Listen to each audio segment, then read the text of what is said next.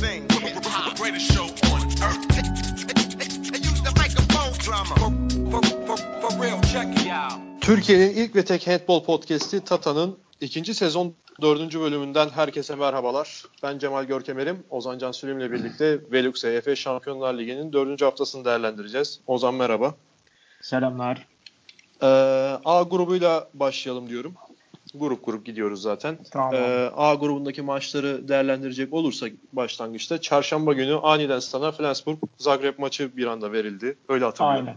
Aynen. Hat- Hatta onun sonrası öncesinde o şeyle e, Yunus'la programı yapmıştık senin yayından önce de. Aynen aynen. Bir önceki şeyi e, o yayından yaklaşık yarım saat önce bitirmiştik kaydı. Ee, A grubuyla ilgili benim sana sormak istediğim yani Flensburg maçına sonra geçelim diyorum da. Abi ben Bogdan Radivojevic'i sormak istiyorum sana. Öncelikle. İnanılmaz Hani ya, inanılmaz. yani baktım istatistiklerine 32'de 29'la başlıyor. Yani d- Ya dört çok fazla 32, 7 metre 29'la atıyor. geçmiş. Çok fazla 7 metre atıyor. Onu bir şey yapmak lazım. Hani onların kaçı 7 metre ona da bakmak lazım. Ama Hı hı. e, yani zaten işte 11 gol attığı maçı konuşmuştuk daha önce. Şöyle bir şey var. E, aşırı derecede bir kendine güveni var ve hakikaten çok böyle nasıl diyeyim bir oyuncu o seviyede kendine güvenle oynadığı zaman e, kanat oyuncusundan bahsediyorum. Hı hı. Yani ya mesela bir ara Luca Balo öyleydi işte. Luca Balo bir sıçrıyordu şeye kadar atletizmi de daha fazlaydı o dönemde. Yani sıçrıyordu şeye kadar adını onun e, Yedi 7 metre metreye kadar ha 7 metre çizgisine kadar abi adam açıyı yaratıyordu pat diye yapıştırıyordu ya da bırakıyordu ya da bir şey yapıyordu. Uwe Gensheimer'in mesela öyle bir dönemi var.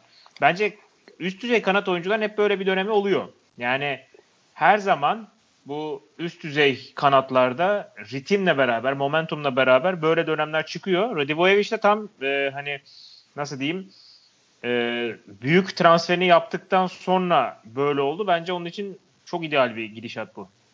Haftanın maçıydı zaten bir daha Alborg Pixeget'te. Hani geçen hafta da Aynen. konuştuk. Alborg 3'te 3'le başladığında ilk kez büyük rakiple oynayacak falan dedik ki onu da kaybetti zaten içeride Pixeget'te. Çok da sürpriz bir sonuç değil tabii ama Yok. Radivojevic kon- konusunda sana şeyle devam etmek istiyorum. Yani bir e, handbolu o kadar da takip etmeyen dinleyicilerimiz için de bir açıklama olur hem de bu. Şimdi Hı. abi kanat oyuncusunun e, nasıl söyleyeyim yap Şimdi oyun kurucudan bahsedecek olursak, orta oyun kurucudan ve işte e, sağ ve sol oyun kurucudan.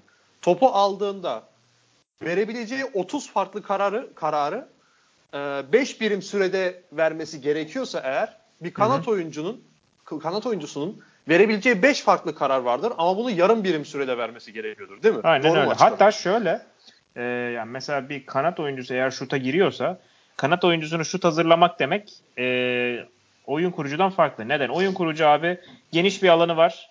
Çaprazlar geliyor. Pivot önünde pozisyon hazırlayabiliyor. Yine aynı şekilde işte çapraza girdiği oyuncu savunmaya doğru yıkılıp ona bir baraj hazırlayabiliyor vesaire. Hani şut hazırlama konusunda ve şut atma konusunda çok daha uzunca bir süresi var. Ki her zaman tipleyebilir, bilmem ne yapabilir. Pivo e, kanat oyuncusunda şöyle bir şey var. Kanat oyuncusunun bir hızlı ucumu vardır. Bir de abi eğer set hücumunda ona kanat e, kanada top çıkarılacaksa ya yerden ya da havadan genellikle yerden olur. O tiplemeyle yapılır. Oyun kurucusu pası verdiği anda bir ya da iki yani zaten hareket halinde alması lazım bu arada. Hani şuta girdiği şekilde e, alması lazım zaten. Hı hı. Bir ya da iki adım sonra sıçrayıp şuta kalkması lazım. Yani hani yok olmadı ben tipleyeyim de e, şey e, geri döneyim sete yerleşelim falan böyle bir şey yok. Eğer sana geldiyse şut şuta kalktıysan yapacağın başka hiçbir şey yok. Belki hani e, Tata için top atabilirsin ama o da hani Hı hı. çok nadir olan bir şey. Yani dolayısıyla ve şöyle de bir şey var mesela. Şimdi maç izleyenler varsa eğer şunu görürler. Abi kanatlara 10 dakika hiç top değmedi. Nasıl iş bu? Şimdi o 10 dakikada kanat sadece ileri geri koşuyor. Sıcak da kalması zor baktığın zaman. Bayağı zor hatta. Çünkü hani şut çekmiyorsun baktığın zaman. Ama Evet.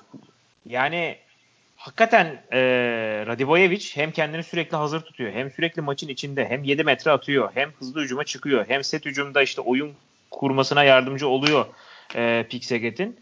Hani o kadar altın bir yeri doldurdu ki e, ve o kadar da iyi başladı ki şu anda bence Avrupa'nın en formda oyuncularından bir tanesi. En formda e, kanat oyuncusu. Yani tüm mevkiler içinde de bir 5-6'ya belki girebilir bu form form. Tabii tabii form tabii bakımından kesinlikle kesinlikle. Aynen. Ya bir de kan- kanat oyuncu mesela handbolu yeni izlemeye ben başladığımda veya işte antrenmanlara lisede çıktığımda tabii senin az önceki açıklamanın şu arada başlığını değerlendir. Sen de bir kanat oyuncusuydun yani. Tabii Onu- tabii ben de sağ kanattım. Ben de hayranlıkla izliyorum bu adamı. Sağ, solak mıydın sen? Ben solam ha. Ha. Onu da yeni öğrenmiş oldum. Solak bir lisede işte dedim ya lisede ben de oynadığım zamanlarda solak oldu nadir bulunan bir şey olduğu için sağ elliye Hmm. göre. Solak ve handball oynayan birini bulmak zor oluyordu yani onu hatırlıyorum. Şey Aynen diyeceğim, aynen. Ee, şu, anlatacağım şey şuydu. Yani mesela sen dedin ya az top geliyor falan. İlk handball'u Hı. izlemeye başladığınızda kanat oyuncuları çok da vasıflı görünmeyebiliyor başlangıçta. Tabii. Ama mesela Tabii. istatistiklere baktığında şunu söyleyeyim. e, Danimarka milli takımı son dünya şampiyonu ve hatta son e, olimpiyatla şampiyon aynı zamanda ki bir sürü de madalyası var. Danimarka milli takımının en golcü oyuncusu Lars Christiansen. Kan- kanat oyuncusu mesela. Yani genelde Aynen, genellikle zaten aynen genellikle zaten takım. öyle. O şundan dolayı geliyor mesela bir hani e, hızlı hücum denen şeyi bitiren oyuncu genellikle kanattır birincisi. Hı hı. İkincisi 7 metreleri çoğunlukla kanatlar atıyor. Evet. Bilekleri daha böyle kıvrak olabildiği için. Aynen öyle, aynen öyle. Bilek zaten benim mesela tek özelliğim bileğimin iyi olmasıydı mesela. Ben savunma falan yapamazdım. Hiç Hı. savunma yapamazdım. Bir de hızlı çıkardım. Ha, onun dışında ikili mücadeleye falan girme durumum hiç yoktu benim. Ama bileğim çok iyiydi mesela. Hoca derdi hatta işte Yusuf Hoca selamlar olsun buradan da. Hani biraz antrenmana gelsen çok iyi topçu olabilirdin derdi bana. Yani bilek. Sadece bilekle gidiyor bu iş. Vallahi bu muhabbetin devamında handbolu geri özleyip yani bir yerde sağa alıp top oynamaya başlayacağım da. Neyse bu o zaman Radivojevic Ya ben, ben, de ben çünkü onu yıllardır alıyorum. sen arıyorsun. Hı. Ben de bulabildim mi diye diyecektim. Yok yani bizim halı saha gibi bir şeyimiz olsa yani handball'un halı Tabii saha canım. versiyonu olsa ne güzel olur. Vallahi ya aynen öyle. Ee, bu vesileyle de abi e, genel maç değerlendirmesi hakkında ne, ne düşünüyorsun? Aalborg Pixaget maçı konusunda. Ya e, şimdi ikidir e, bu Match of the Week'ler biraz garip gidiyor. Çünkü bir tanesinde işte Elverum seyirci rekoru kıracak diye Elverum Paris Saint Germain maçını seçtiler. Hı hı. E, ikincisi burada da baktığın zaman işte Aalborg hiç yenilmedi. 3'te 3 ile geldi. O yüzden Aalborg e, Pixaget maçı çok kritik ve e, onu seçelim falan dediler. Bence ikisi de haftanın maçı falan değil yani. Baktığın zaman ka- kağıt üstünde de öyle gözükmüyor. Sonuç olarak da öyle olmadı. Evet. Yani gelecek haftaki de hatta haftanın maçı olmaması gereken bir maç aslında. Gelecek hafta Gelecek hafta- haftanın? Gelecek hafta haftanın maçı e, Montpellier Kiel. Şimdi isme baktığında gayet güzel. değil Nasıl ya Barcelona Paris Saint Germain değil mi haftanın Değil maçı? abi Montpellier Kiel. Ciddi misin? Ben ona bakmadım evet. bile. Ben yani bak, şu anda hatta tekrar bakıyorum site önümde Match of the Week'i açtım. E, Montpellier Kiel abi. İyi helal olsun ne diyeyim. Yani, Yani sebeplerin evet ba- yani aslında isim çok da fena değil ama ben Barcelona Paris Saint Germain dururken onu seçmeleri hakikaten garip. Buyur abi ya devam şey et sen lütfen. büyük ihtimalle birinci ile ikincisi oynuyor diye öyle yapmışlardır. Ya şöyle diyeyim. Ee, şimdi Aalborg bir şekilde işte fikstür avantajıyla inanılmaz bir fikstür avantajıyla bu arada 3'te 3 yaptı. Bunların 3'te 3'ünü hani şey olarak söylemeyeceğim. Ee, yani 3'te 3 yapamazlardı aslında da şöyle oldu böyle oldu diye bir şey. Hakikaten Aalborg iyi bir takım. Hı hı. Ee, bayağı sağlam e, savunma yapan bir takım her şeyden önce. Direkt rakiplerinden kaç gol yediğine baktığın zaman zaten işte Zagreb'den 20 gol, Elverum'dan deplasmanda 24 gol yemişler. Bir de üstüne e, Selye'yi işte yenerken e, 28 ilk yarı ha, ilk yarı da e, 14-10 geride kapattıktan sonra yenmeyi başardılar. Onlar zaten bence kafada artık şey oldu. Hani tamam abi biz artık buradan sonra saçmalamazsak çıkacağız. Çünkü ne, ne olacak? E, Selye ile içeride oynayacaklar. Kazanırlarsa dördüncü galibiyet. Elverum'la içeride oynarlarsa e, kazanırlarsa beşinci galibiyet. E 5 galibiyet zaten çıkarıyor. Tamam işte bitti. Hı hı. Yani ilk altıya sokuyor seni yani. Ha, dolayısıyla e, bu adamlar hani çıktılar. Ha e, ben şeye direnebileceklerini düşünmüyorum. Öyle büyük takımlardan bir tanesini alaşağı falan edebilecek bir takım değil e, kesinlikle. Fakat bir üst turdan gibi- bahsediyorsun. Ha bir üst turdan aynen. Bir üst Evet. turdan. Fakat e, şöyle bir şey var. Şimdi e, bu takımın e, tamamen İskandinavlardan oluşan ve hani e, bazı oyuncularına baktığımızda da savunmada böyle seni alıp kenara kaldıran tipler e, olduğunu düşünecek olursak hani biraz e, direnci zor kırılabilen bir takım. Ha, onun dışında çok bir şey var mı? İşte mesela yıldızları yok. Henrik Mölgaard'ı sayabiliriz. Henrik Mölgaard da tam bir yıldız değil e, baktığın zaman. Ha, Danimarka takımının işte ne bileyim savunma rotasyonundaki oyunculardan bir tanesi. Ee, bir de tutturduğu zaman Agefors gayet iyi gidiyor ki Elver'ın maçında bayağı iyi oynamıştı mesela. Hı hı. Kalede. Ha, onun dışında mesela işler tıklandığında hani şuna verelim bir şut atsın. İşte bunu şuta sokalım da e, biraz o götürsün falanlık bir şey olmadığı için belli bir süreden sonra tıkanıyorlar artık. Hı hı. Ki Yani mesela iki- Peak, Peak evet. Maçında da öyle olmuş. 2018 Montpellier'de böyle bir oyuncu Diego Simone vardı. Hani Ha, mesela, mesela alt- aynen. yani Aynen. underdog bir takım üst kademelere çıkabilme senaryosu üzerine gidecek olursak. Tabii. Veya işte ne bileyim Melvin Richardson çok yani parlak bir performans göstermişti Aynen. ama burada öyle bir birini göremediğini söylüyorsun. Aynen. Mesela şöyle bir şey var. Ee, ya maç başına bakıyorsun. Ee, ilk 20 dakikada 18 tane gol yemişler içeride ve 8 fark. Şimdi bu takımın buradan dönme ihtimali yok. Bu takım Hı hı. nasıl gidecek? Eşit gidecek, eşit gidecek, eşit gidecek. Direnci bir şekilde tuturacak. Devam edecek öyle maç sonuna kadar kapatacak bir şekilde o maçı. Evet. Yani bunlar hani geri dönsünler. Ee, bunlar öyle 5 fark 6 fark yapsınlar son bölüme iyi girsinler falan gibi bir takım değil. Ee, çünkü e, ritimli şekilde e, büyük takımlara karşı hücum edebilecek çok fazla seti olan çok fazla işte e, hücum opsiyonu olan dediğim gibi bir takım değil. Evet. Ee, bir de abi A grubunda bahs- başka bahsetmek istediğim herhangi bir konu ee, Nikola Karabatic. Hı. Bu sezon artık kontratının son senesi olduğundan mıdır nedir? Artık sen daha iyi bilirsin adamın geçmişini daha yakından takip ettiğinden. Bu sene eli yanıyor galiba biraz. Bu sene ya şeyi biraz hırsını çıkarıyor son iki sezonun hırsını çıkarıyor bence. Evet, geçen sezon çok yani yani şey yapamamıştı hiç. Böyle kendini gösterememişti ve bayağı sönük bir oyun oynamıştı. Gerçi bu son maçta 6'da 3 atmış ama yani illa gol olarak da değil. Ee, asistleri falan da çok yani asist olarak da çok katkı veriyor takıma. Ve Star Lig'de de 800. golünü attı dün Ivry karşısında. Nikola Karabatic'in bu sezonki performansı hakkında neler söylersin? Ha, Nikola Karabatic e, ya şöyle diyeyim. Birkaç gölge var kariyerinde. Hani gölge düşürme muhabbeti vardır ya. Hı hı. birkaç tane gölge var. O gölgeleri hiç yaşamamış olsa şu anda daha bırakmadan e, tarihin en büyüğü bence. Yani daha bırakmadan öyle diyeyim. Ki 35 yaşında işte bir handbolcu hele bu fizikte bir handbolcu aşağı yukarı hani 38-39'a kadar oynar bir 3 senesi daha var en az. Hı hı. Şu anda tarihin en büyüğü diyecektik ona. Birincisi niye? Ee, adamın hani kazandıklarına baktığın zaman zaten kafayı yiyorsun. İkincisi yani kulüpte. E, Evet. milli takım kariyerine baktığın zaman içine girdiği takım ve kendini kabul ettirdiği takım akıl almaz bir takım. Mesela Didier Dinar'ın e, Eurosport'a yakın zamanda ben anlattım şeyi vardı. Olimpik hikayesi vardı. Evet. Didier Dinar ve ekibiyle arasındaki yaş farkı çok büyük ve oraya genç bir oyuncu olarak giriyor ve bir anda hani hücumun en önemli oyuncusu haline geliyor. E, üç kez dünyada yılın oyuncusu seçilmek ki bunu ilk olarak 2007'de son olarak 2016'da yapmış. Yani 10 senelik neredeyse bir periyottan bahsediyoruz. Hı hı. Ha ne oldu? Birincisi bu adam işte Montpellier döneminde o bahis skandalı sebebiyle birincisi çok fazla şey kaybetti. İkinci Montpellier İkinci- dönemi. Aynen ikinci Montpellier dönemi. Evet. Yine o dönemde e, acayip e, saygı duyduğu işte idolü olarak gördüğü babası Branco'yu kaybetti. Tamamen böyle psikolojik olarak dağıldı. Hı hı. Orada mesela bir 2013 yılını hatta 2012-2013 dönemini demek lazım. Hani iki seneyi neredeyse bir buçuk iki seneyi tamamen çöpe attı. Ya ki bu dönemde işte 29-30 yaş. Aslında bir oyuncunun Evet. pik yaptığı dönemler.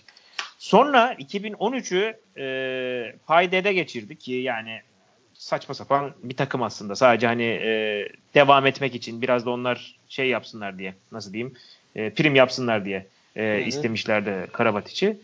Ha o şekilde hani biraz toparlandıktan sonra işte Barcelona onu biraz kendine getirdi. Sonra da zaten hani Paris Saint Germain'e şey olarak geldi bence. Ee, bunu tabii birkaç açıklamasından da çıkarıyorum ben. Sadece tahminim değil bu.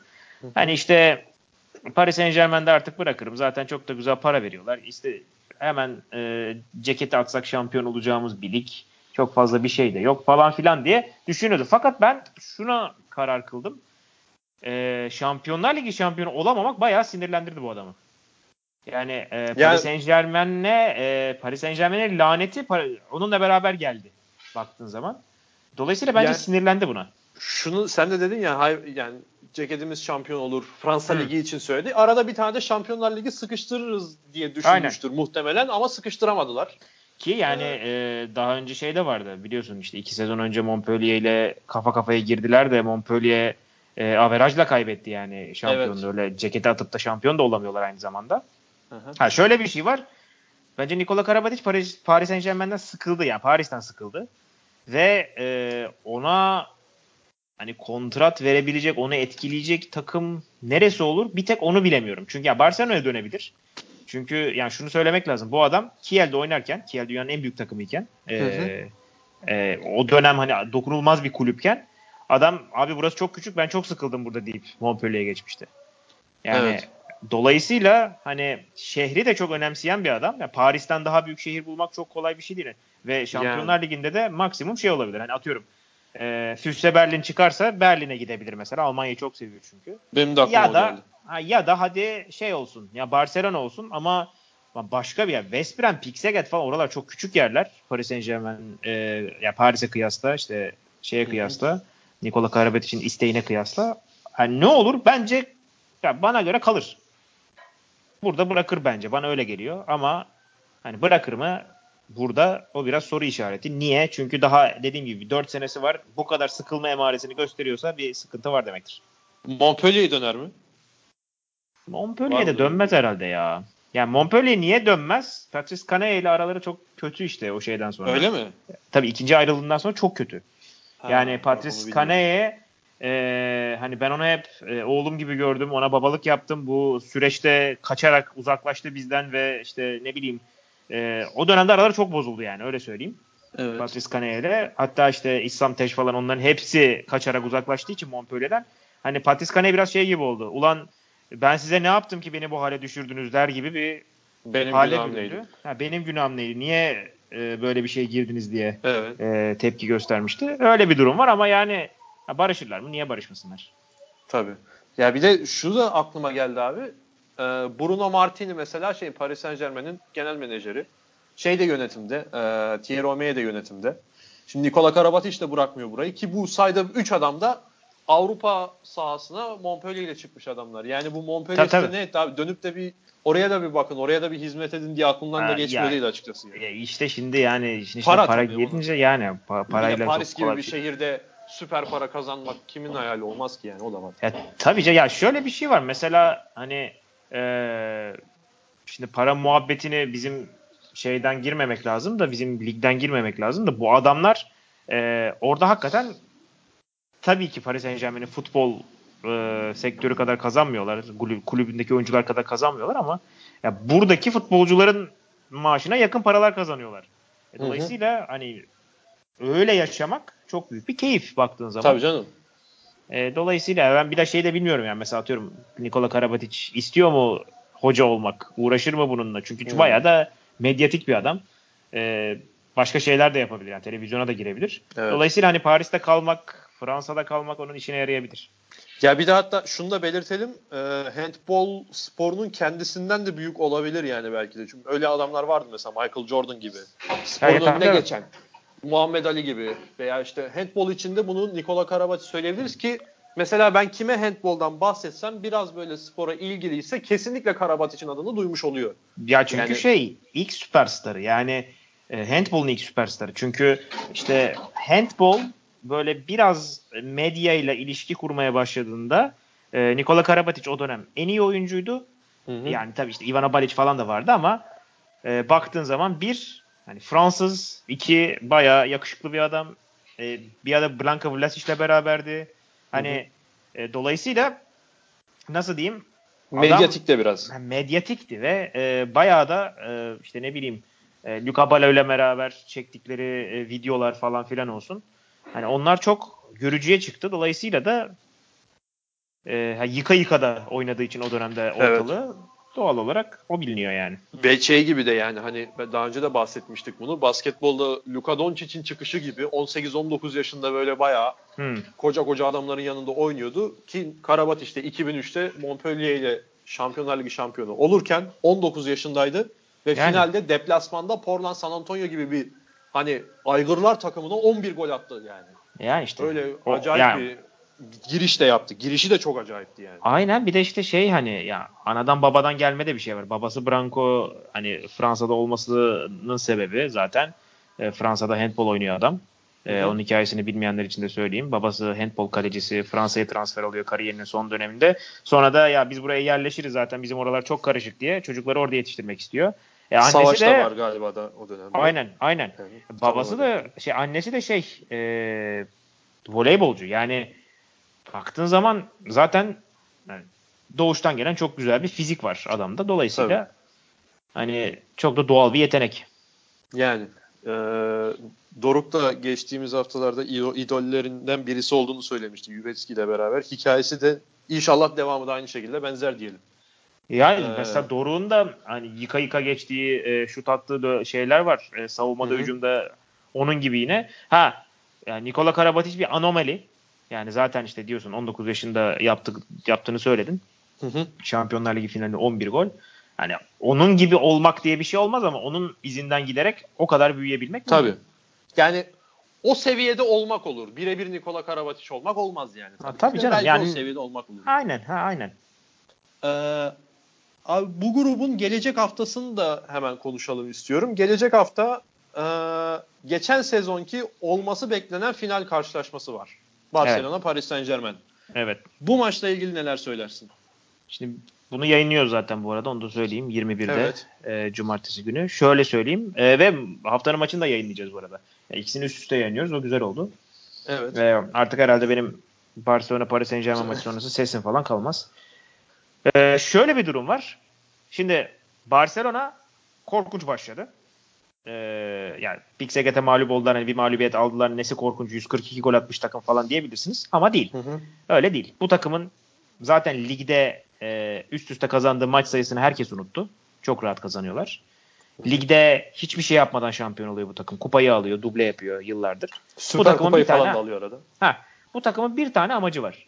Bu takım Şampiyonlar Ligi'ni kazanmak istiyor. Şampiyonlar Ligi'nde bir maç dahi kaybetseler adamlar mırmır etmeye başlıyor yönetimler. Geçen sene bu takım üçüncü oldu. Yönetim e, bir önceki sezonda sen zaten son 16'da elendin. Ne üçüncülüğü bu diyerek Xavi Pascual'e gitti. Yani e, Şampiyonlar Ligi üçüncüsünün hocasına gidip diyorsun ki birader sen ne yapıyorsun ki bu adam da Şampiyonlar Ligi kazanmış bir adam. Evet. Yani dolayısıyla bu takım bir büyük maç dahi kaybettiğinde ya da bir büyük maçta kötü oynadığında dahi eleştiriliyor. Ki zaten bence esas eleştirilme noktası e, ilk yarıda yenen 18 goldü orada. Ha sonra toparladılar fakat bence e, ev sahibi olduğu için çok büyük bir baskı olacak üstlerinde. Neden? Yani bunu da kaybedersek bayağı sıkıntı var. Çünkü bunu da kaybederlerse ne oluyor? E, Paris Saint Germain ile Barcelona arasında iki maç fark oluyor. Tabii Ve, yani direkt rakiplerden birine maç vermiş oluyorsun. Yani. Hatta şöyle oluyor bence. 3 maç fark oluyor. Çünkü Paris Saint Germain sizi geliyor evinizde yeniyor. İkili averajda kaybediyorsunuz büyük ihtimalle. Dolayısıyla o 4 puanı kapattığınızda da üstüne çıkamayacaksınız. Yani liderlik evet. bir nevi gitmiş oluyor. Bence evet. çok stresli olacak Barcelona. Ee, diğer tarafta Paris Saint Germain yani bu sezon gerçekten iyi oynuyorlar. Ee, ve bence en büyük handikapları henüz test edilmedi. Yani remilisizlik remilisiz oynamak durumunda kalmak durumu hiç hı hı. şu ana kadar olmadı. Ee, büyük maçlarda Remili'nin ne kadar süre alacağı, nasıl oynayacağı çok önemli. Ee, kötü oynadığında çaresi yok yani. Gerçekten çaresi yok. Oraya işte Kunku'du koyabiliyor. Ee, Abalo şeyde kanatta kalabiliyor ama Kunku da öyle şutör bir, yani Remili kadar şutör bir oyuncu değil. Eğer hani Remili'den yana o taraftan bir sıkıntı çıkmazsa bence Paris Saint Germain için bu maçta olumsuz düşünecek çok fazla bir şey yok. Yani sen %50.5'e 49.5 Paris Saint Germain diyorsun. Öyle anladım ben. Ben 55'e 45'e 55 diyorum ya hatta. Biraz ha, daha büyük. Daha da 45'e 55 diyorum. Aynen. Anladım. Ee, o zaman B grubuna geçelim. O zaman hani maç maç değerlendirmeden ziyade ki A'da da öyle yaptık. Ee, konular üzerinden gidelim diyorum. Benim sana soracağım sorular. Abi Kiel ne yapıyor? Yani Abi, Kiel e, e, beraberlikle başladılar. Bir e, şeyle müsaadenle özür dileyerek şeye gireyim bir başlangıcına. Beraberlikle başladılar Kiel'se karşısında ki güzel de maçtı sen anlatmıştın. Hı hı, aynen. Sonrasında e, West Brom'i deplasmanda yendiler. E, bakıyorum şu anda Meşkov Brest içeride çok da anormal bir galibiyet değil. Olur.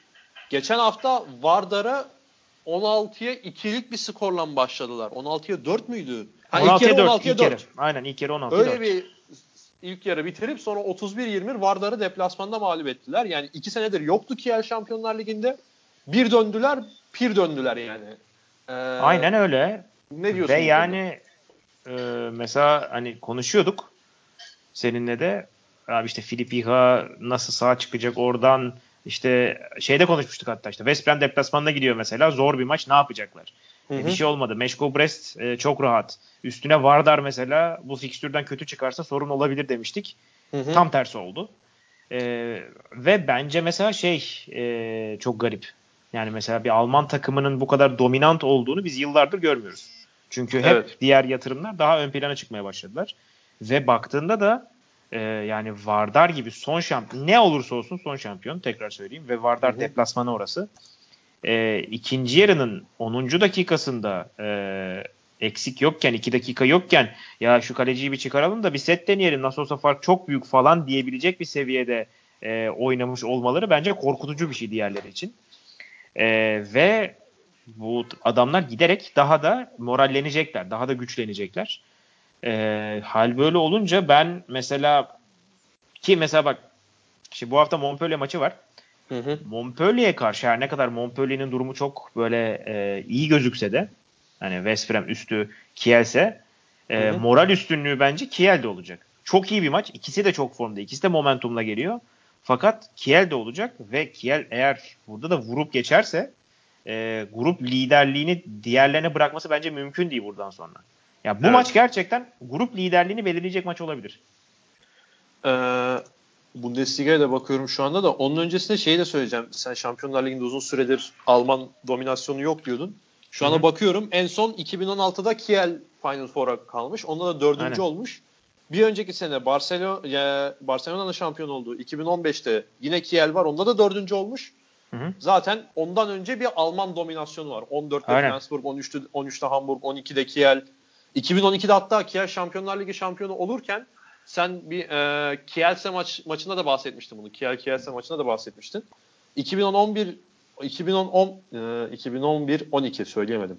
Sezonunda Kiel Şampiyonlar Ligi şampiyonu aynı zamanda Bundesliga'da tüm maçları kazanıp şampiyon oldu o sezonda. Evet, aynen öyle. Çok acayip bir takımdı o zaman da zaten. Çok çok. Bu arada şey sen e, Bundesliga dedin de orada da e, iki maç eksikleriyle e, şu anda 4 puan gerideler Hannover'den. Evet. Hannover full gidiyor hala galiba. Yok bir tane Öyle kaybettiler. Ha bir tane kaybettiler. Aynen. Ha. Kiel'in de bir mağlubiyeti var. Aralarında da iki maç fark var. Evet. Ee, ya orada da hiç öyle kötü yani neyse burası buradan bari biraz aşağı çekilir buradan bari feragat ediyormuş diyebileceğim bir grafik de yok. Yok yok. Mesela şey diyor demiştin ya sen e, West Brom işte Amerikan ordusu gibi çok kalabalık bir kadro vesaire. Evet. Aslında mesela West Brom kadrosunun e, bir benzerinin de e, Bundesliga ve Şampiyonlar Ligi oynayan takımlarda olması lazım. Niye? Evet. Çünkü abi oynadığın her maç çok kaliteli bir maç. Oynadığın her maç e, oyuncuların işte dinlendirme şansını bulamadığın maçlar. Ve dolayısıyla e, hani mesela atıyorum e, üç tane pivot yok mesela. iki tane pivot var Kiel'in. İki tane e, Ranking'le Weinhold'u var mesela sağ oyun kurucuda. Yani dolayısıyla aslında orayı üçlemeleri lazım. Çünkü hani şey olması lazım. Sonuçta birilerinin biraz dinlenmesi lazım. Yani hafta evet. içi 60 dakika ya da işte 40 dakika çok sert bir maç. Hafta sonu çok sert bir maç. Bu şekilde gitmez aslında. Ama gidene kadar da işleri kolaylayabilirler. O işte önemli. Yani mesela e, şöyle bir şey geliyor. Montpellier maçından sonra Zaporojye deplasman Porto içeride Porto dışarıda Zaporojye içeride mesela. Dört maç çok keyifli onlar için. Yani nispeten daha rahat tabii. Aynen Montpellier kazandıkları an çok ya çok çok avantajlı bir konuma geçecek. Şampiyonlar Ligi'nde rahatlayacaklar. Yani bu e, Porto ve Meşko Meşko Brest'e özür dilerim. Porto, Porto ve Motor Zaporojye hani Bundesliga'da ki rakiplerinden daha rahattır yani. Tabii tabii tabii. Için. tabii. Ve hatta şunu da söyleyeyim. E, şey demiştin. Hmm, onu şu anda unuttum da ya. Neyse evet şeye geçelim biz. Kiel'den Kiel hakkında söyleyebileceğim başka bir şey var mı? Yok vallahi iyi ya helal olsun. ee, iyi başladı diyelim koçluk kariyerine de. Abi bir iyi giden bir takım ya da daha doğrusu olumlu konuşabileceğimiz bir takım konusunda da Montpellier ve Patrice Canaye. Evet. Ee, eks, bayağı bir eksikle Kielse deplasmanından çıktılar. Kielse'yi de konuşacağız birazdan ama Yani 1994 yılından beridir bu takımın koçluğunu yapan Patrice Canaye'den başlamak üzere Montpellier'in bu sezonu hakkında neler söylersin? Abi bu sezona e, mesela şey ben e, beni şaşırtan nokta şu. E, bu adamların pivotu geçen sezonki pivotlar. Yani geçen sezon en büyük problemlerden bir tanesi pivottu. Hala aynı pivotlar var aslında. Yani Frederick Peterson'da Benjamin Afkur var. Yani ne değişti? Hı hı. Mesela e, yeni gelen transferlerden Marin Şego inanılmaz oynuyor. Ya, hakikaten inanılmaz oynuyor. Evet. Ama bununla beraber daha önemli bir nokta bence. E, Hugo Deska. Çünkü Mikael Gigo çok büyük bir oyuncu. İnanılmaz bir kaptan. İşte bu takımın efsanelerinden bir tanesi vesaire ama Gigo fiziksel olarak bu seviyeleri artık daha fazla kaldıramadığı için ne oluyordu? Ya çizgide kalıyordu ya işte topu getirip bırakıp çizgiye gidiyordu tekrar ya kata geliyordu hani yalancı kata geliyordu bir şey yapmıyordu Hı-hı. falan. Ama şimdi oyunun hep içerisinde çok da iyi oynayan bir şeyleri var. E, kanatları var. İkincisi e, bir kanat diğer tarafta var. Yanis Lene. E, bence çok e, üst düzey kaliteli bir oyuncu değil ama bir kanat oyuncusu sonuçta. Bu takım şöyle oynuyordu ya. Vitkavtiçnik sağ bek ya da işte e, Valentin Port sağ kanatta. Onlardan Kavtiçlik orta oyun kurucu da oynuyordu. Kavtiçlik kanat Tabii, oyuncusu bunu belirtelim. Her yerde orta oyun kurucu da oynuyordu.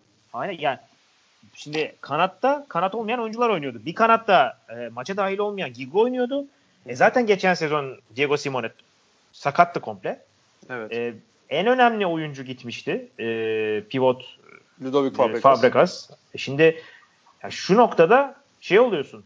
Hani nereden bir şey çıkaracağız, nasıl yapacağız? Geçen sezon felaketti normal bence. Yani o kadar da normal değil. Gruptan çıkması lazımdı da. Hı hı. E, ya bu sezonki performansı bence sürpriz değil. Ama bu maçki performans çok sürpriz. Niye? Ya Gilberto Duarte yok. Jonas Trikonavicius yok. Hı hı. Üstüne Melvin Richardson yok. Üstüne Diego Simonek gene yok. Yani hı hı. takımın oyun kurucularının yani 3 pozisyonun döndüren 4 oyuncu yok. Yani ya o üç pozisyon dediğin de bayağı oyun kurucular yani. Yani ha. Mesela bir ha. kanadın olmaz. Ne olur? İdare eten birini koyarsın oraya. Oyun kurucuyu yaparsın. da koysan yapabilirsin bir şeyler hatta Hı. yani. Aynen kanadın. öyle. Fakat yani e, hakikaten şu seviyedeki bir takıma karşı böyle bir deplasmanda bu kadar fazla eksikle böyle çıkmak ve ben e, yani maçın işte büyük bölümünde hani bir yerde artık herhalde bir yakalayacak Kielse diye düşündüm. Fakat yani Kielse'nin hiç hiç hali yoktu. Ve nasıl diyeyim herhalde bir 10. dakikadan falan itibaren maça bir daha hiç ortak olamadılar. Ha 2 fark oldu, 3 fark oldu, 2 fark oldu, 1 fark oldu, tekrar 3 fark oldu. Böyle gitti maç. Ve Montpellier'ler hiçbir zaman şey düşünmemişti büyük ihtimalle. Ya yakalanmak üzereyiz. Yakalandık. Maç olmadı. gidiyor bir kendimize ha, gelelim. Maç gidiyor. Yok olmadı. E, ve mesela şeyin Talant Duşabev takımlarının alameti farikasıdır. Böyle maçları bir şekilde getirirler. Hani sona kadar getirirler. Ben aslında onu şeyde düşündüm. Agina Galde'nin e, 7 metresinde farkı 1'e indiren 7 metresinde düşündüm. Dedim aha gene oldu. Çünkü aynısını işte ilk maçta yaptılar deplasmanda Almanya'da. Ama yok yani olmuyor. Ee, ve bence olmayan şeylerden birincisi şu. Ben bunu galiba bir ya da ikinci podcast'ta söylemiştim. Hı-hı. Şimdi Kuleş'le Karalek geçen sezon ekstranın ekstrası bir performans çıkardılar. Aldatıcı evet. bir performans çıkardılar. Bu sene öyle bir şey yapamıyorlar. E, dolayısıyla hani senin de oyunun bir anda dağılıyor, bozuluyor. E, o yüzden e, tamam genç bir takım, tamam işte hani şöyle diyeyim. Nasıl Doruk'un gelişimini bekliyoruz? Kielsen'in gelişimini de bekleyeceğiz. Çünkü genç bir takımlar, e, gelecek oyuncuları da genç. Önümüzdeki iki sezon boyunca transferleri de genç olacak. Hı hı. Ama yani şu, geçen sezonki Montpellier'i yaşıyorlar biraz. Evet. Yani aslında ben... Şampiyonlar Ligi'nde Montpellier'e yenilmek o kadar da büyümeyebilirdi eğer Wisla Plock'u yenmiş olsalardı ligde. Hayır ya şimdi şöyle bir şey o, var. Onun da şeyini ekleyelim yani. Onun da bir stresini, baskısını ekleyelim burada. Aynen. Şimdi şöyle bir şey var. Şampiyonlar Ligi'nde Talant Duşabev geldiğinden beri en kötü başlangıç. Dört maçta sadece evet. bir galibiyet ve yıllar sonra da e, hani Polonya ekstra klasaya baktığında tabloda ikinci sıradalar. Dolayısıyla Hı-hı. şu görünüm hiç alışkın oldukları bir şey değil. Bunu nasıl baş edecekler? Önemli olan bu. Evet. Ee, bir de çok yani gereğinden fazla haddinden fazla 7 metre kaçırdılar diye hatırlıyorum ben Kielce. Yani bakıyorum şu anda 8'de 4 atmışlar 7 metrede. Hmm. Aynen. Yani e, Bonefo evet Bonefo da kurtardı bir, bir tane Hı hı. galiba Hı hı. bakıyorum şu anda. İki tane İkide, kurtarmış olması lazım. ikide bir yazıyor kurtarma Ha. yüzdesi. E tamam. Birini kurtar. Marin Şego da 6'da 3 kurtarmış zaten. Yani 7 metre de atamamak hani tamam. Şimdi kaleci çok iyidir böyle kung fucu gibidir uçar kaçar falan o ayrı mevzu da sanki böyle orada bir mental düşüklüğü hissediyordun yani o kaçırdıkları 7 metrelerde. Ya, Hani evet evet. O, değil mi? O dediğin yeri buradan yakalayabilir aslında izleyiciler. Tabii, Yakalamış yani- olabilir izleyiciler de yani. Tabii yani şöyle e, bu seviyede bir takımın oyuncularının elini titremesi diye bir şey söz konusu olamaz. Olduğunda da şöyle olur. Hani sen atamadın mı abi 7 metreyi? Tamam. Sen at. Diğeri gelsin. Mesela Hı hı. Alex Duşabev kötü oynuyor. Bayağı Evet. kötü oynuyor bence. Hani ilk maçın e, hani yıldızıydı çünkü son saniyede gol attı ama bence kötü oynuyor ve çok e, çabuk kitleniyor. E, öne çıkan bir oyuncu da yok takım kötü oynarken. Dolayısıyla hani şu normal buradan toparlamaları lazım ve ya şimdi Meşko Brest'e yenilmezler herhalde diye düşünüyorum ama ilk defa emin değilim herhalde. Yani o zaten ilk maç dedin ya e, Alex Duşabayev iyi oynuyor diye ki golü atmadan hemen önce senin şu repliğini hatırlıyorum. Talant Duşabayev en güvendiği elden oğlun beklediğini bulamadığı gibi. Hani hatta Aynen. maçın kaybetme noktasına gelmesinin sebebi de Alex Duşabayev'in yaptığı bir hataydı. Öyle öyle yani çok basit toplar kaybediyor. Ee, B grubu ile ilgili benim aldığım notlarda söyleyebileceğim başka herhangi bir şey yok. West Brom Porto'yu yendi. Sonunda bir maç kazandılar. Evet. Ee, uzun süre sonra Şampiyonlar Ligi'nde. Grupla ilgili söyleyebileceğim başka herhangi bir şey var mı? Gelecek hafta Montpellier Kiel var. Match of the Week olarak seçilen. Onunla ilgili neler söylersin? Hatta bir de West Brom Vardar var. Geçen senenin finali yani. Ee, geçen sene finali yani biraz şey olacak bence West Brom geçen hafta. İçeride West Brom'u yenmek kolay bir şey değil ve e, hani ne kadar kötü gidiyorlarsa gitsinler. Gerçi şeyde hani Kia çok ekstra bir şey yaptı ama Hı hı. e, o 37 gol biraz abartılı bir şey. Bir günlük Çok bir şey mi hızlı hücum buldular oradan ya. Evet. Onu ben hatırlıyorum maçı. Onunla ilgili bir şey söyleyeyim buradan. Hani e, iki tane pivotu var dedin ya sen. Aha. Mesela bir tanesi böyle yani ayakta durduğu zaman yere kilitlendiği zaman böyle hiç kımıldamayan Patrick Viancek. Diğeri de hızlı hücuma koşturulabilen ince yapılı bir pivot Hendrik Pekeler. Evet. Pekeler'in hızlı hücuma çok rahat koşturup oradan çok gol bulduklarını hatırlıyorum yani. Ki pivotun hızlı hücuma koşması daha avantajlı çünkü kat etmesi gereken mesafe nispeten daha azdır. Aynen. Kanada göre falan. Onu da belirtelim. Aynen. Bir de ekstra oyuncu yani. iki kişiyle kanatta değil de bir de merkezde oyuncuyla e, hızlı hücum yapabiliyorsun. O farklı bir şey tabii. Evet bu Ee, arada maçı da özetlemiş olduk. Sen devam et lütfen. Şöyle yani tabii ki Gelecek geçen sezonun bahsediyorum. Aha, tabii ki geçen gelecek haftanın e, programın en ön plana çıkan maçı bence hala Montpellier Kiel değil. Ve mesela Match of the Week 1 işte Paris Saint Germain Barcelona seçilebilirdi. 2 e, geçen hı. senenin finali seçilebilirdi. Niye bence seçilmedi? Şundan dolayı e, Vardar korkunç bir haftayı geride bıraktı. Yani rezalet bir haftayı geride bıraktı. Ve yani ne olursa olsun insanlar şey diyordu işte. E, abi işte kazandılar, iyi başladılar. 3'te 3, 3'te 3 yapmak kolay değil falan.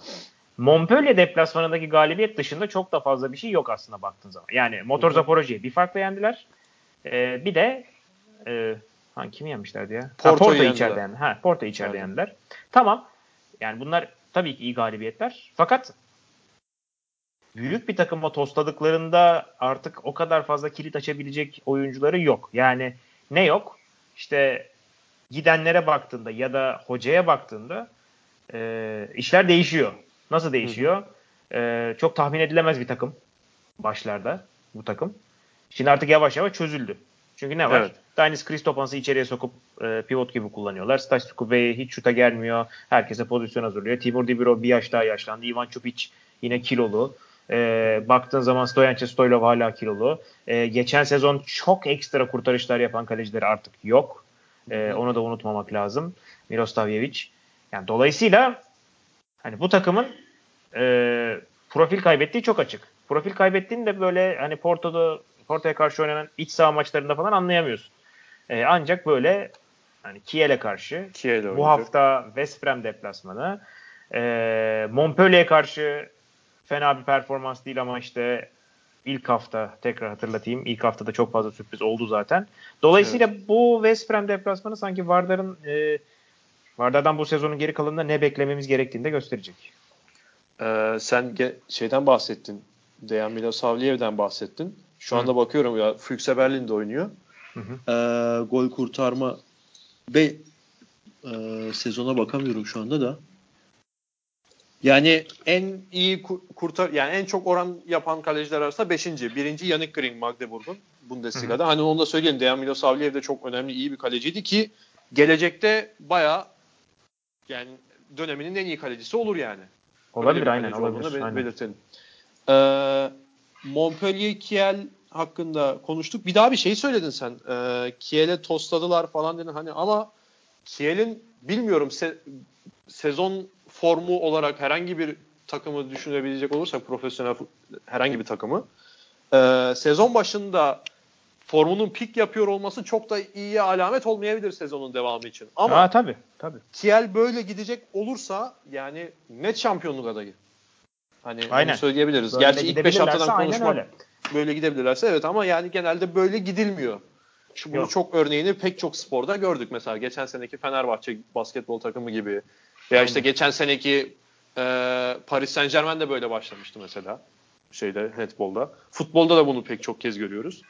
Yani ama Kiel bu aralar yani bu dönemde Kiel'e yenilmek çok da büyük olay olmayabiliyor. Onu söyleyebilirim. Tabii. Ya yani. şöyle bir şey var. Onu hiçbir zaman unutmamak lazım. Handball diğer sporlardan şu açıdan farklı.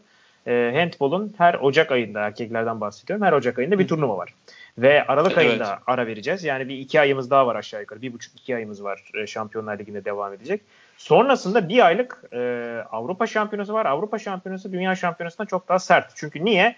E, gerçi şimdi takım sayısı arttı ama e, baktığında şu anda 6 grup işte çok üst düzey takımlar. Her maçın çok sert. Dünya Şampiyonası da öyle değil. Bir tane Suudi Arabistan maçına çıkıyorsun mesela. Oynamana gerek bile kalmıyor aslında. Biraz hmm. dinleniyorsun. Fakat birincisi ilk kez böyle bir turnuva olacak. Çünkü ilk kez bu kadar fazla takımla oynanıyor turnuva. Ee, ilk kez 24 takım. Evet. Ee, seyahat çok fazla. Avusturya, 3 ayrı ülkede yapılıyor. Aynen. ilk kez 3 ayrı ülkede yapılıyor ve gerçekten çok fazla seyahat olacak. Ee, dolayısıyla dar kadroların ee, ki zaten Kiev'deki herhalde bütün oyuncular millidir. Tam şimdi kontrol edemedim ama yani alınacaklar mı tabii bilmiyorum ama milli takım alınmayabilir. Mesela Pekeler alınmayabilir atıyorum. E, ya da Oler Ahmel alınmayabilir. Ama e, aşağı yukarı herkesin alınacağını da düşünecek olursak gerçekten geri döndüğünde mesela kimler sağ kaldı diye bakacak bu adam. Evet. o yüzden e, yani Aralık ayına kadar her şeyi domine edebilir. Şubattan sonra da geçen seneki Kielce'yi hatırla. 7 maç kazanamadı. 7 maçta bir tane kazandılar e, Şubattan sonra. Şampiyonadan sonra. Dolayısıyla geçen sene Kielse mi? Tabii geçen senenin Kielse'si. Ee, evet. Geçen sene Kielse ben yanlış mı hatırlıyorum? Sez- şeyden turnuvadan önce olabilir. Çünkü abi o 7 maçlık Şampiyonlar Ligi'nde katacak olursak hani Final Four'a kaldıkları için öyle bir şey olmayabilir. İstatistik olmayabilir ama sen şeyi söylüyor olabilirsin. Şampiyona öncesinin ve sonrası arasındaki fark öncesinde kötüdür de sonradan yükselmiş olabilir. Ben tam tersini hatırlıyorum ya. O konuda da ısrarcıyım. Bakacağım şimdi dur. Öyle mi? Ha. Ben de yanıltıyor olabilir miyim? Dur bakayım bir böyle Çünkü Final Four'a kaldıkları için sonrasında o kadar maç kaybetmek Final Four'a kaldırtmayabilir hani. O yüzden söyledim ben de onu. Şimdi tek tek saymam gerekecek. Sen sen ben devam bakıyorum, et ben sen bu arada sayacağım.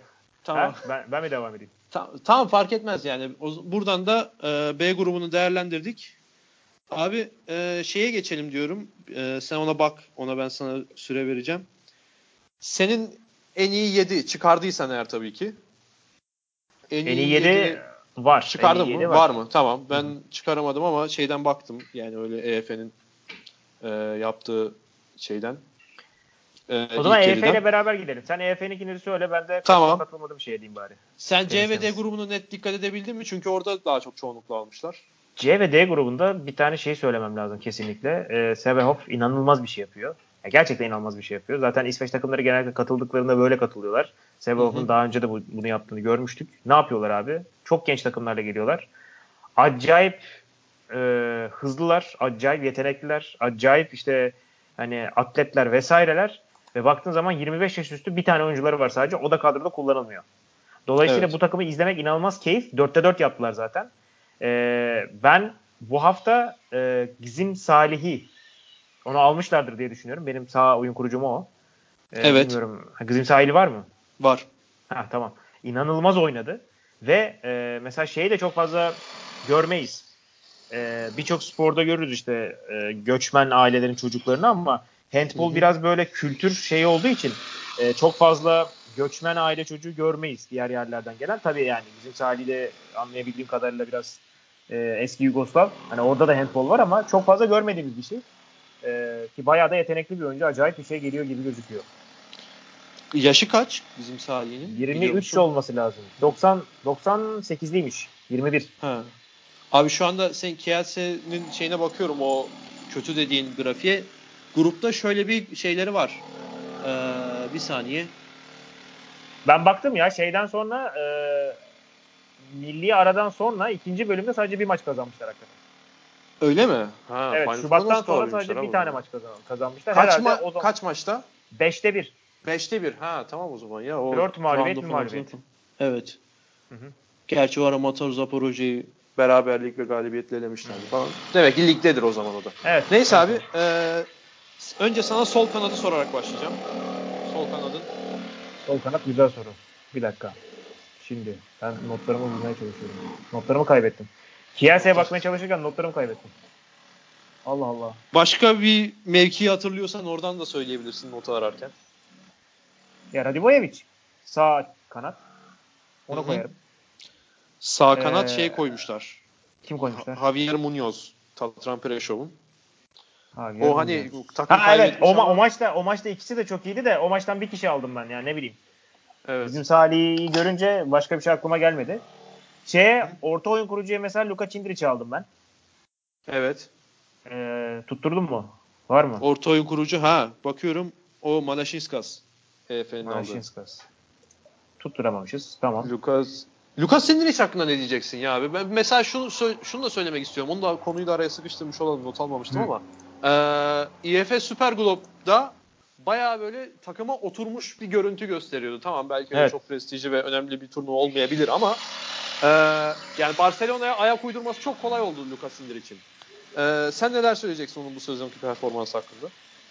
Ben şu ana kadar Barcelona'ya gelip de böyle çok uyum sorunu yaşayan oyuncu görmedim aslında. Oradan girmek lazım. Ve Hı hı. şey hani e, Sindric'in oyun tarzı böyle daha çok hani ben bana şut hazırlayın da atayım olmadığı için hani şut hazırlayan bir oyuncu olduğu için daha çok e, ve etrafındaki oyuncular da çok rahat şuta gelen oyuncular. İşte Dikamem olsun, ne Timothy Engesan olsun ya da e, beraber oynadığı zaman Aaron e, Palmerson. olsun.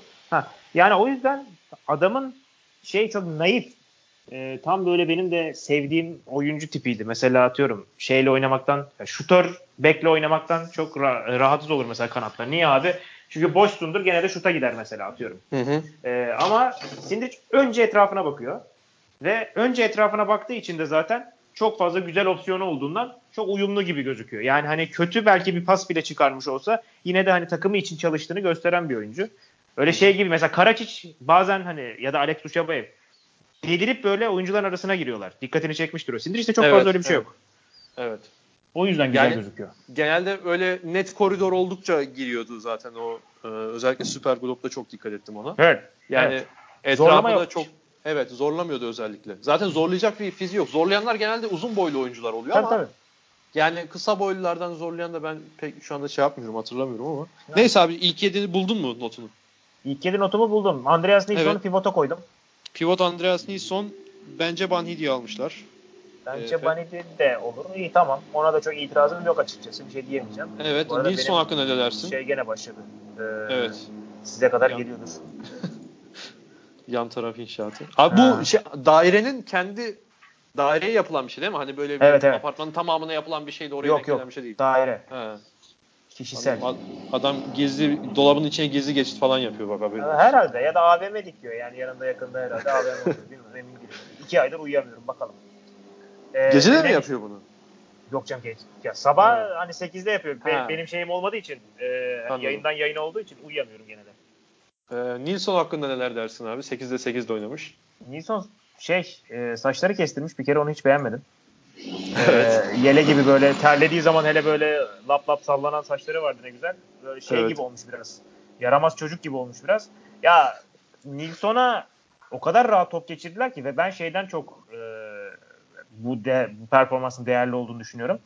E, Porto'nun gerçekten hayvan gibi, yaratık gibi, bölüm sonu canavarı gibi e, merkez sa- savunmacıları varken bunu yapabildi. Hakikaten Hı hı. çok acayip bence o. Ee, pivot şey dedin, Nilsson dedin. Bizim Salih'i zaten söyledik. Hı hı. Sol kanat kimdi? Sol kanadı sormuştum onu şey yapamadım. Onu söyleyememiştin notu bulamadığından. Ha aynen. Ee, sol kanat şey. Aslında sol kanat ya ben iki tane sol oyun kurucu almak istiyorum. Kızım Salih ile beraber Muhammed Susi'yi almak istiyorum bu seferlik. Çünkü Hı hı. Muhammed Susi de Kielse karşısında bir ara hakikaten şey Kielse karşı Muhammed Susi şeklinde devam etti maç.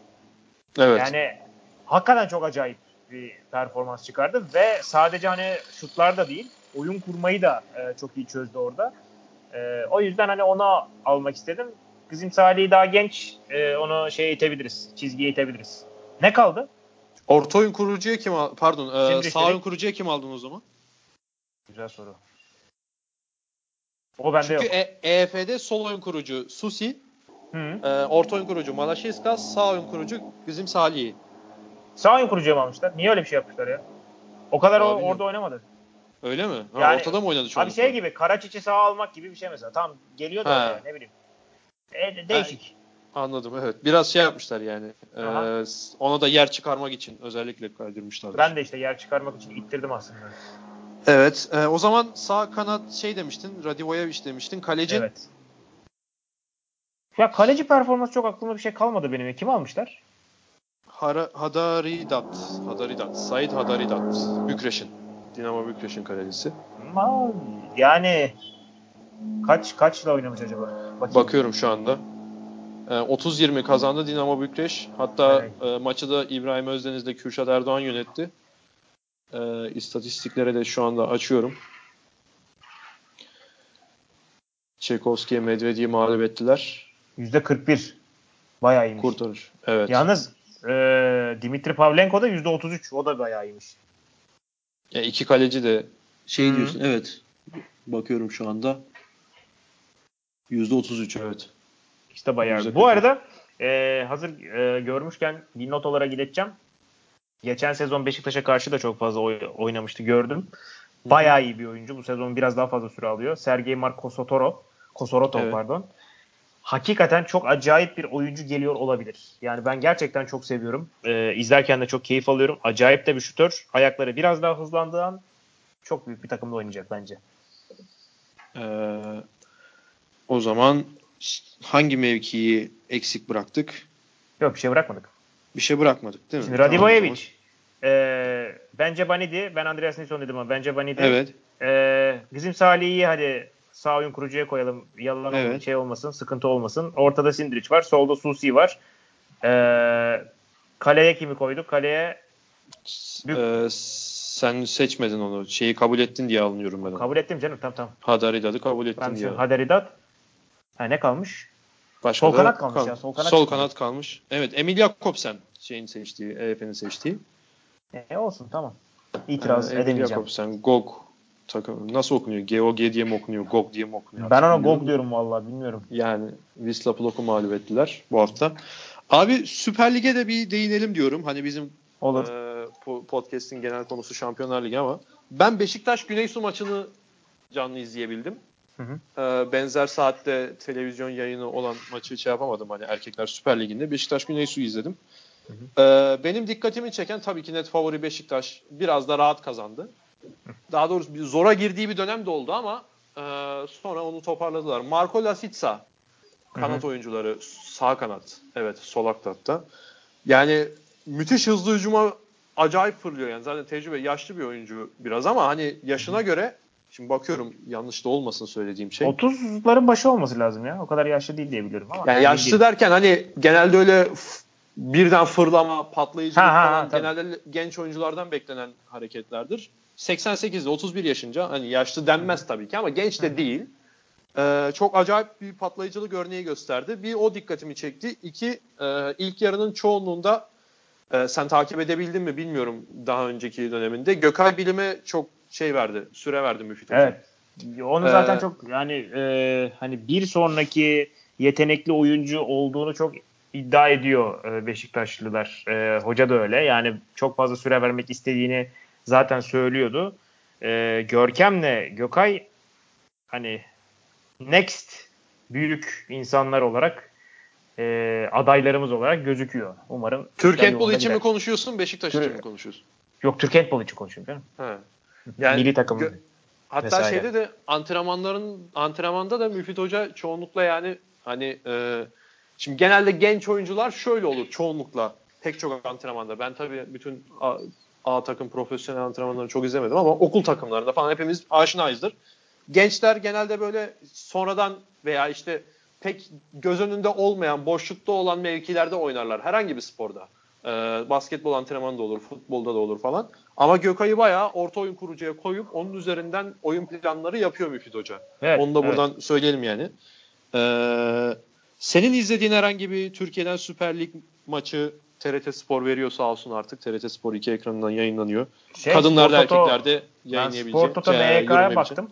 Evet. Spor Toto, yani Spor Toto zaten Beşiktaş gibi başladı. Onlar da sağlam başladılar ve şöyle bir şey var.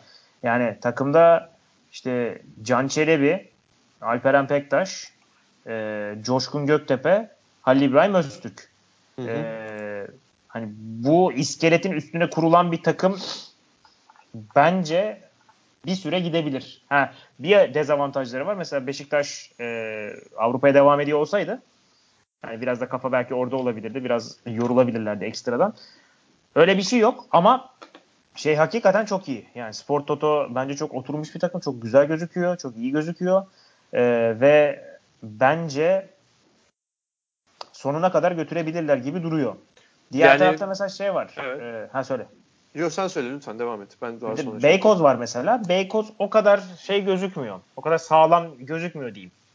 Hı hı. Ama- Yani şey evet.